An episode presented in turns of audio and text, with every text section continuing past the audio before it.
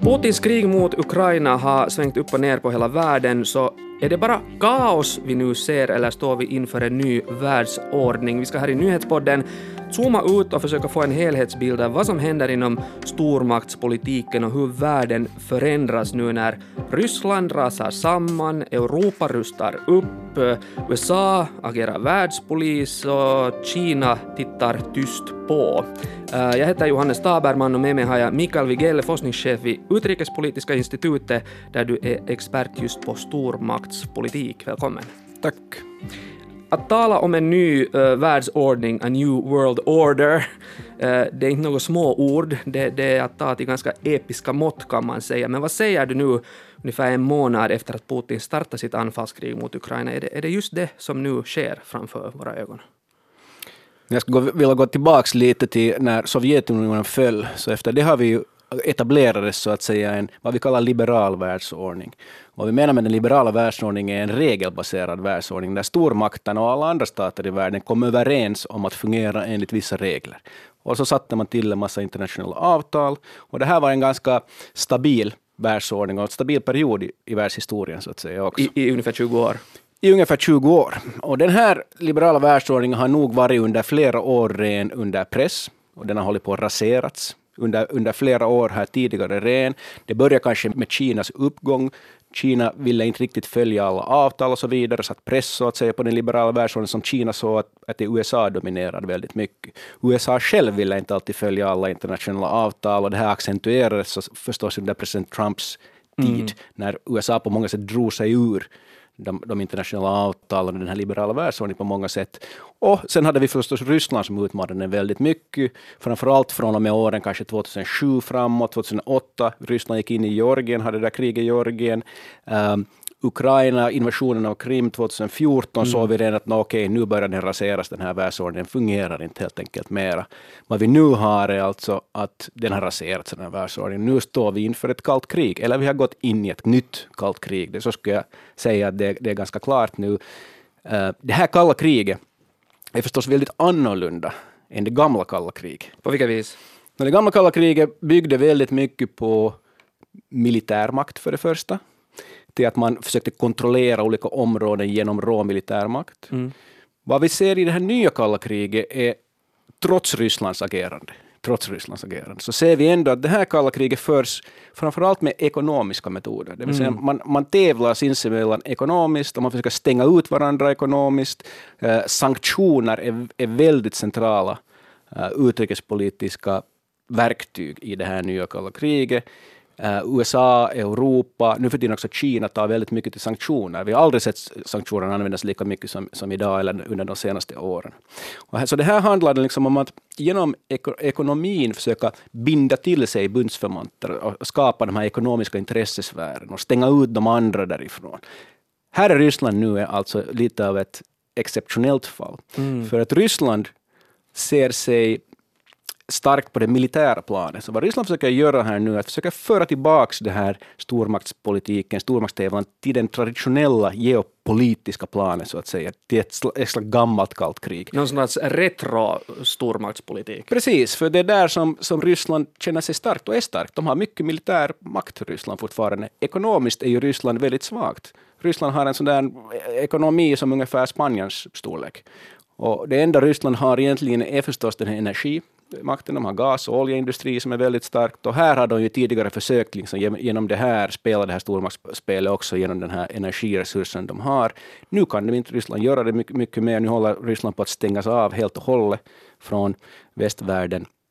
Så att kvar finns så att säga de här militära maktmedel och genom dem försöker de nu skapa sig den här intressesfären, binda till sig Ukraina, Vitryssland, kanske vissa andra länder och så vidare. Eh, jag, jag, jag, tänker på det att, att, jag menar att antagligen så är, är den nya världsordning som nu börjar formas efter nu krigen mot, mot Ukraina inte kanske helt den som Putin hade tänkt sig. No, säkert inte. Putin har nog blivit väldigt överraskad över hur snabbt och hur effektivt västvärlden har lyckats isolera Ryssland. Hur jättestarka de här ekonomiska sanktionerna är de raserar ju nu fullständigt Rysslands ekonomi mm. och skär av Ryssland fullständigt från det globala ekonomiska systemet. Och det här visar ju nog att ekonomiska sanktioner, den här så kallade geoekonomiska maktpolitiken kan vara jätte, jätte effektiv och stark. Och det beror ju förstås på att USA och Europa är väldigt centrala i den globala ekonomin, framförallt i den finansiella ekonomin. Och de här finansiella flödena är ju Ryssland också väldigt beroende av. Ryssland är ju inte självförsörjande på något vis, för att Ryssland producerar väldigt lite själv. Mm. Och det här hade Putin kanske inte riktigt insett, tror jag. Och nu inser man hur beroende Ryssland de facto har varit av resten av världen. Filosofen och statsvetaren Francis Fukuyama skrev 1992, strax efter Sovjets fall, eh, den här uppmärksammade boken The End of History and the Last Man, där han menar att kapitalismen och, och den västerländska liberala demokratierna har vunnit nu en gång för alla över andra ideologier och att historien tar slut här och nu. Men, men liksom, vad säger du nu när vi ser Ryssland rasa igen 20 år senare? Är, är liksom, ser vi historien ta slut än en gång eller är västerländska demokratierna mer utmanade av auktoritära krafter? Vad vi har sett under de senaste tio åren ungefär är väldigt mycket vad vi kallar för hybridpåverkan. Framförallt auktoritära stater som Kina, Ryssland, Iran, Turkiet i viss mån har försökt utnyttja den här öppna plattformen som demokratier är. Demokratins öppna landskap, så att säga, komma in i våra demokratier, föra in Kila hit, ladda under de här spänningarna som, som finns i alla demokratier förstås, genom att liksom skapa sig de här kontaktytorna till extrema rörelser eller infiltrera sig i proteströrelser för att driva dem mot ännu extremare håll. Så de har försökt underminera väldigt mycket våra demokratier under de senaste tio åren. Mm.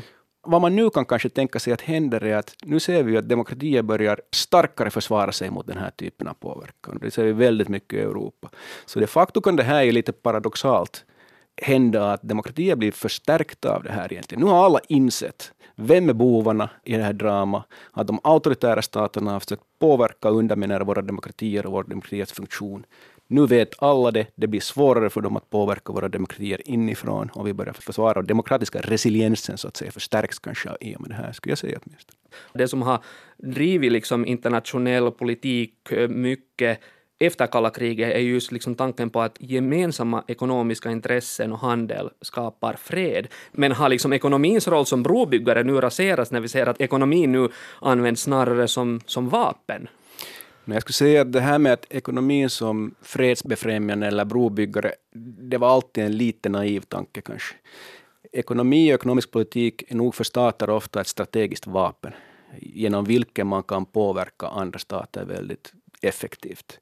Det här har ju Kina gjort under 20-30 åren. De har genom ekonomin försökt binda andra länder till sig, göra andra länder beroende av Kina och på det viset få politisk makt över de här länderna.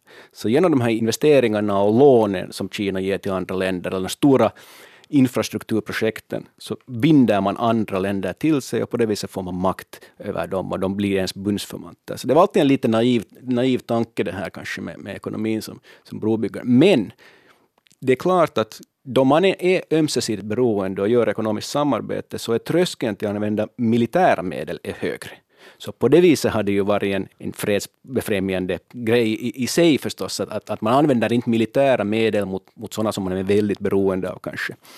Uh, och här är ju nu, nu liksom risken att att det, det, det uppstår en så kallad någon slags ny järnridå och mm. ekonomiska, olika ekonomiska block som är mindre beroende av varandra. Man stänger ut Ryssland från, från allt ekonomiskt samarbete och så vidare. Så då är liksom tröskeln till att använda militärmedel, det går ner. Och då blir det en farligare värld också på samma gång. Och då är vi liksom väl tillbaka till det här som du talade om, att vi har ett nytt kallt krig, men som har mera liksom ekonomiska än militära förtecken. Exakt, då går vi tillbaka till ett, till ett nytt kallt krig. Nu ser vi ju också att Europa är illa tvungen att upprusta eh, militärbudgetarna förstärks nu väldigt mycket, det militära samarbetet förstärks jättemycket. Eh, och det här har ju förstås att göra framförallt med Ryssland, det har inte så mycket att göra med Kina i sig. Men eh, det nya elementet så att säga i det här kalla kriget, som är väldigt annorlunda från det gamla, är just det här att man använder ekonomisk politik och ekonomiska instrument väldigt mycket i maktsyfte, till att föra till, till den här liksom maktpolitiken och försöka påverka andra länder eller stänga ut andra. Och det såg vi inte så mycket under kalla kriget, det är något nytt. Den här hybridpåverkan är ju förstås också någonting som förekom definitivt under kalla kriget, men mycket mer idag, för det är ett mycket mer effektivt sätt att påverka idag. För vi har cybervärlden till exempel, som hela den här disinformationen så, så använder sig väldigt väldigt mycket av social media till exempel. Det är effektivt. Att teknologin har ju också gjort att man har liksom till förfogande nya instrument, stormaktspolitiska instrument så att säga, vilket, vilket sen skiljer sig lite från det gamla kalla kriget så att säga.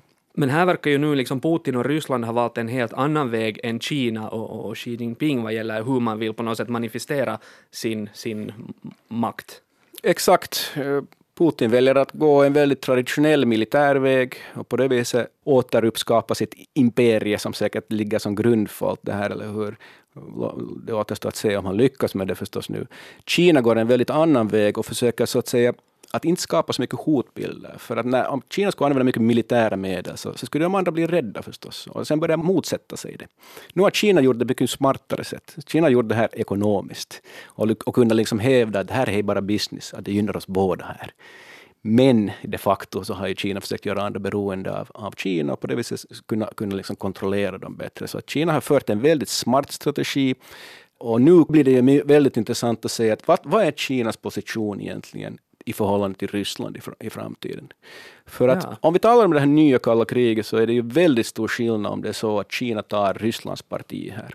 Då delas världen de facto upp i två stora block ganska Precis. långt, var Kina och Ryssland utgör det ena sidan av blocket och det andra blocket utgörs sen av den demokratiska världen, så att säga. Då får vi en konstellation när vi har demokrati mot autokrati i det nya kalla krig.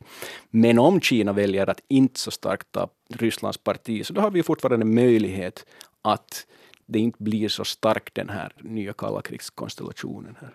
Och här känns det ju lite oklart ännu var Kina riktigt står för att det kommer lite dubbla och otydliga signaler. Jag tänker att kanske det liksom handlar om någonstans att vad väger tyngre för Kina, ekonomi eller ideologi? Ja, alltså, jag kan tänka mig att Kina tänker sig att vara lite opportunistisk här å ena sidan, det vill säga nu går det ju att få ganska fördelaktiga kontrakt med Ryssland, för Ryssland kan inte göra något kontrakt med Europa eller USA mer. Mm. Så Kina som behöver väldigt mycket råvaror och resurser, och det, vilket Ryssland har förstås, så, så har det en väldigt god förhandlingsposition nu när det, gentemot Ryssland. De kan alltså utnyttja De kan Ryssland. utnyttja den här situationen, utnyttja Ryssland, och Ryssland blir väldigt beroende då förstås av Kina också. Men å andra sidan så i och med att Kinas strategi så mycket har byggt på det här med att binda till sig andra länder i världen ekonomiskt, så innebär det här ju en risk också för Kina. Om man ses att väldigt starkt tar Rysslands parti och, och, och, och ha samarbete med Ryssland, för att Ryssland är en slags pariastat idag nu. nu. Så, så det här kan ju liksom slå tillbaka sen i, i, i Kinas andra samarbeten runt om i världen. Så att på längre sikt så kan det vara lite svårt egentligen. Den opportunismen kan, kan, Kinas opportunism så att säga, kan kosta en, en hel del. Och vi vet inte riktigt var kommer Kina att liksom lägga sig så att säga. Att, ja. att, men å andra sidan så det är klart att, att Kina tänk, kan också kanske tänka så att, att om nu Kina inte hjälper Ryssland här så och Ryssland blir väldigt svagt, så till nästa så, så går västmakterna åt Kina så att säga. Mm. Så det kan hända att Kina tänker att no, vi måste hålla uppe Ryssland här lite för att Kina också behöver Ryssland lite för att, för att vi håller på att gå in i det här kalla kriget. Ja, frågan är att kommer Kina att förstärka sin roll som supermakt i och med det här? No, jo, nu är det ju så att Kinas roll så vi så allt, alltså antagligen förstärks. Kina får en mycket starkare roll i förhållande till Ryssland. Um, Kina har liksom en fördelaktig position på många sätt att, att, att utnyttja det här, det här läget också på, på många sätt. Men det är klart att å andra sidan, så, som vi talade tidigare, att vad vi ser nu är förstås att Europa och USA står betydligt mer enade idag än vad de gjorde tidigare. Och det är ju någonting som inte gynnar Kina, mm. för då är man också kanske enade, mycket mer enade i, i förhållande till Kina sen. Så att eh, det här är ju ganska slående hur Europa faktiskt har haft en enad position nu och fått till väldigt starka sanktioner och får till väldigt mycket nya policyinstrument så att säga som man sätter i bruk nu. Kan man liksom säga att Europa på något konstigt sätt liksom förstärks av det här kriget i Ukraina? nu kan man ju se, se, se det som så alltså att, att många grejer som har varit i görningen så att säga Europa som, som har stött på patrull, alltid någon har varit emot det eller någonting, så har man fått till nu alltså. Mm. Och, och, och, Europa står liksom mer enat än, än vad jag ungefär kommer ihåg någonsin i, ja. i den här situationen nu. Så det är klart att det stärker, stärker Europa på det viset. På kort sikt är det ju ekonomiskt lite problematiskt för, för Europa förstås, men på lite längre sikt så ser man ju att, att Europa faktiskt faktiskt har fått till det. Om jag tidigare sa så där lite på skämt att, att Europas framtid är Österrike, så att det är ett sånt trevligt land som det är kiva att äta sachertårta och dricka kaffe på fina kafén och, mm. och en, en, gammal fin stor, stormakt Habsburgska imperium, men man har ingenting av det kvar mera, utan man är ett sånt trevligt turistparadis. Så nu tycker jag det ser lite annorlunda Kanske inte Europas framtid är Österrike, after all, liksom, utan det kanske Europas framtid är lite mer grandios, eftersom nu har man faktiskt lyckats komma ihop och, och bli en, en maktspelare igen. Ryssland då? Kan man ens längre kalla eh, Ryssland för en stormakt efter det här? No, Ryssland är en stormakt på det militära planet, det är helt klart en, en kärnvapenstat. Mm. Um, och trots att krigsframgången inte så, har varit så bra i Ukraina, så nu är det ju en militär stormakt fortfarande. Uh, men på inget annat plan är ju Ryssland, diplomatiskt, ekonomiskt, är ju Ryssland idag en lilliputt. Mm. Så det enda sätt som det har att hävda sig är det militära planet och där det är nog ännu förstås en stormakt. Tror du att det går att återställa just liksom de diplomatiska relationerna mellan Ryssland och västvärlden? No, jag tror att det är väldigt, väldigt svårt och på kort sikt så tror jag inte att det finns några förutsättningar för det. Jag tror att egentligen så kräver det antagligen att Putin faller för att man ska kunna återställa diplomatiska relationer. Eh, och dit kan det vara nog en, en, en, lång tid ännu, så att på kort sikt har vi nog inga förutsättningar att återställa diplomatiska relationerna. Um, men sen kan det ju vara så där om man tänker på mellan eller längre sikt, att antingen Putin faller och så får man, kan man göra en ny start så att säga. Eller att Kina blir så hotfullt till exempel.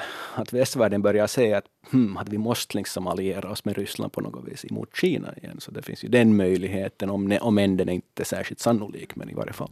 Det är stora saker i, i rörelse här. Eh, Lenin sa före ryska revolutionen 1917 att det finns årtionden då ingenting händer och så finns det veckor då årtionden händer. Tycker du att det här är beskrivande för de här gångna veckorna?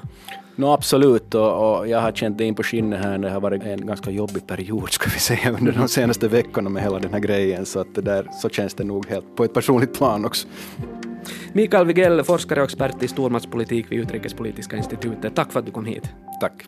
Du har lyssnat på Nyhetspodden med mig Johannes Taberman. Ami Lassila producerade, Jyrki Häyrinen skötte tekniken. Fortsätt lyssna på oss.